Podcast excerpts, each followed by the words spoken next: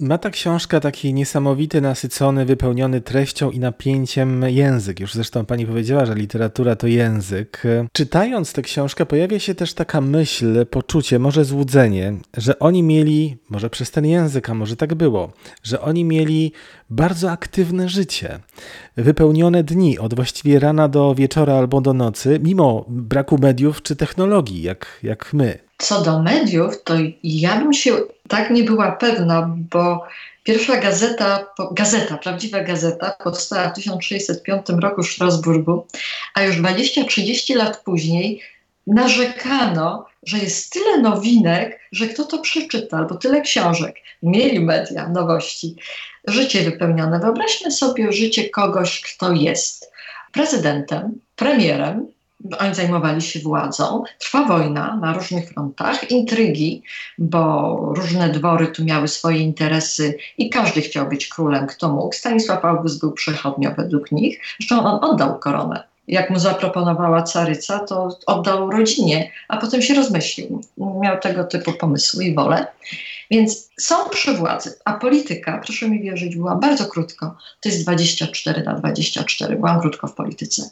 Nie ma czasu na nic. A oni oprócz tego są naukowcami. Każdy szanujący się arystokrata miał w swoim domu, pałacu, gabinet, może nie osobliwości, ale eksperymentów. Oni eksperymentowali, tworzono naukę. Byli to ludzie wykształceni, więc chcieli wiedzieć, co się dzieje w nauce. Byli politykami, mieli swoje pasje sportowe polowania i inne tego typu zabawy. Kobiety były jak supermodelki, a więc zajęte też swoim wyglądem, oprócz tego miłostkami.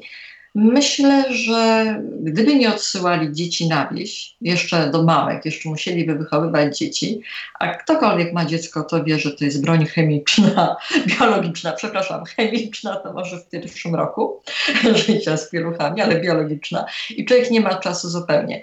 Więc ten sposób ich życia i wychowywania dzieci mm, jest zrozumiały, ale kiedy się patrzy na, nie wiem, czy szkody psychiczne, y, na ich umysłowość, ludzie wychowani przez obcych, mm, dosyć dziwnych warunkach, często ekstrawaganckich, mieli kompletnie inną psychikę, myślę, zaburzoną według nas, narcystyczną, E, przecież żona sławnego pisarza, którego uwielbiam, Potockiego, tego od pamiętnika znalezionego w Saragosie, przepiękna Julia Potocka, kiedy mieli swój pałac w Białymstoku, stawała na postumencie, na kolumnie w pałacu i potrafiła w katatonii, młoda dziewczyna, nie ruszać się dwa dni, kiedy dostawała okres. A zarazem byli to ludzie bardzo współcześni najbardziej z przeszłości współcześni nam. Nie, nie posługiwali się tą techniką, co my, ale myśleli bardzo, bardzo nowocześnie. I o związkach, i o miłości, i o władzy. Wtedy tworzył się nasz świat, myślę. To są jego początki historyczne tej współczesności i rewolucji. Na pewno nie, nie narzekali na nudę.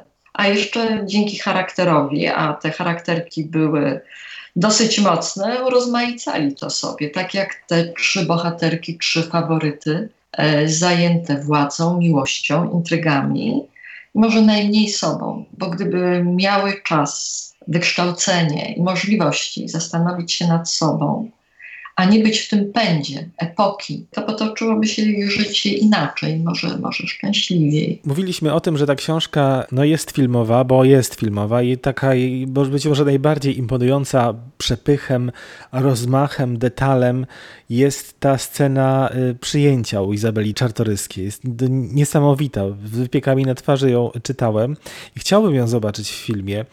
Jak się pisze taką scenę, jak powstaje? Każda scena jest po coś. Tak jak w filmie, to nie jest, że przypadkowo coś się dzieje. Myślę, żeby pokazać coś ważnego, żeby został obraz, ale żeby język wciągał i poprzez obraz pokazać, przemycić i akcję, żeby się posuwała.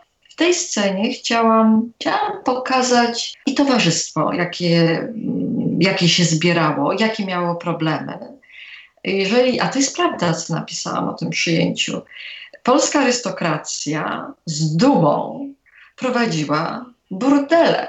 I chciała je opodatkować w Sejmie, a były sprzeciwy. Tam mnóstwo rzeczy było do pokazania i jak e, Repnin bardzo jest zakochany w Czartoryskiej. Naprawdę miał z nią dziecko. Zresztą, przepraszam, jakie dziecko? Jeden z najwybitniejszych polskich polityków, prawda? I to opozycyjnych, od pewnego momentu już emigracyjnych. Emigracyjnych. Tak, tak, historia się toczy niesamowicie. Jak Czartoryska, chciałam pokazać, jest wykorzystywana przez rodzinę swojego męża. Po prostu jako, no teraz byśmy nazwali polityczną prostytucją. Jako przynęta na Repina i to się obraca później przeciwko nim. Ale to są już późniejsze czasy, więc to jest wygrana. Pokazać i obraz, i nastrój tej epoki to oczywiście to jest wymyślona ta historia sztuczką Repina, ale to musiało być obrazem, czymś filmowym i zaskakującym. Kiedy on przychodzi pierwszy raz do salonu Lubomirskiej i wszyscy myślą, że przychodzi z wieściami politycznymi, a on robi taki numer, który ma potem ciąg dalszy, zaskakujący.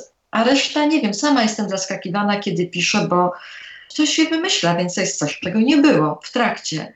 I kiedy mnie to ciekawi albo podnieca, to mam nadzieję i wtedy wiem, że nie będzie to nudziło czytelnika. Najgorsza chyba rzecz, kiedy pisarz, pisarka byliby znudzeni tym, co piszą, no to, to nie ma sensu. Oczywiście różne są poczucia humoru i wrażliwości. To, co mnie bawi, może kogoś oburzać. No tak.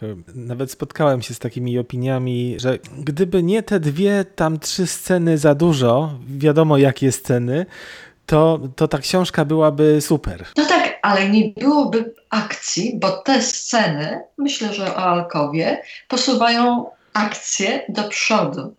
Natomiast słyszałam genialną recenzję z księcia i z poetki, to bardzo dużo mówi o tych osobach, że to jest wspaniała książka.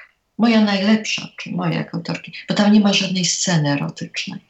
To tak jakby powiedzieć o czyimś życiu, że było najwspanialsze, bo nie było seksu. Dla mnie jest to niezrozumiałe, bo człowiek jest całością i seks jest wyrazem osobowości, a nie piczką zasadniczką i wtedy jesteśmy nieprzyzwoici. Ja nigdy nie pisałam pornografii. Uważam ją za uwłaczającą. I epoka XVIII wieku przez swój libertynizm, przez salony jest mi najbliższa, przez tą wirtuazerię języka i erotyzmu. Jedno łączy z drugim i kobiety, które tym zarządzały, i pisarki, ta lekkość niesamowita, a, a zarazem głębia, bo to nie było paplanie, tylko ogłada towarzyska polegała na tym, żeby wciągnąć czytelnika, rozmówcę, nie mówić tylko o sobie. I napisałam też książkę, która wyjdzie za dwa tygodnie o Wenecji, bo Wenecja jest XVIII-wiecznym miastem, a to jest przewodnik nieoczywisty. Taki ma tytuł Wenecja. A dlaczego o tym mówi XVIII wieku? Bo największym grzechem i rzeczą niedopuszczalną w Wenecji, jak i w XVIII wieku libertyńskim, była wulgarność i morderstwo. Wszystko było dozwolone. Tak jak w sztuce, uważam, i literaturze. Wszystko jest dozwolone. Nawet i morderstwo, bo to jest tylko życie na niby. To mnie uwodzi i w Wenecji, i w XVIII wieku. Ta książka, Wenecja, miała mieć podtytuł, wydawca się nie zgodził. Z takich powodów, jak pan powiedział, byłoby super, gdyby nie, bo Wenecja to jest miasto sztuki i erotyki, tak jak faworyty. A chciałam, żeby był podtytuł Wilgotne arcydzieło. No ale nie wyszło. W treści są opisy wilgotnych arcydzieł i Tintoretta i Vivaldiego. To delikatny podtytuł. Czemu nie? Ale się źle kojarzył jak na Polskę, więc jest w środku, nie na okładce. Na okładce jest miasto, Wenecja, miasto, któremu się powodzi. Dwuznaczność od powodzi, bo przeżyłam tam powódź stulecia na barokowym łożu zresztą pływałam. Dobrze, że ściany się rozwaliły tylko w łazience, bo gdyby rozwaliły się też w pokoju, to, to chyba bym wypłynęła tym łożem. Nie zdawałam sobie sprawy, że łoże, którego dwóch ludzi nie było w stanie popchnąć, bo to zabytek barokowy. Woda jest w stanie jak tratwę unosić w pokoju.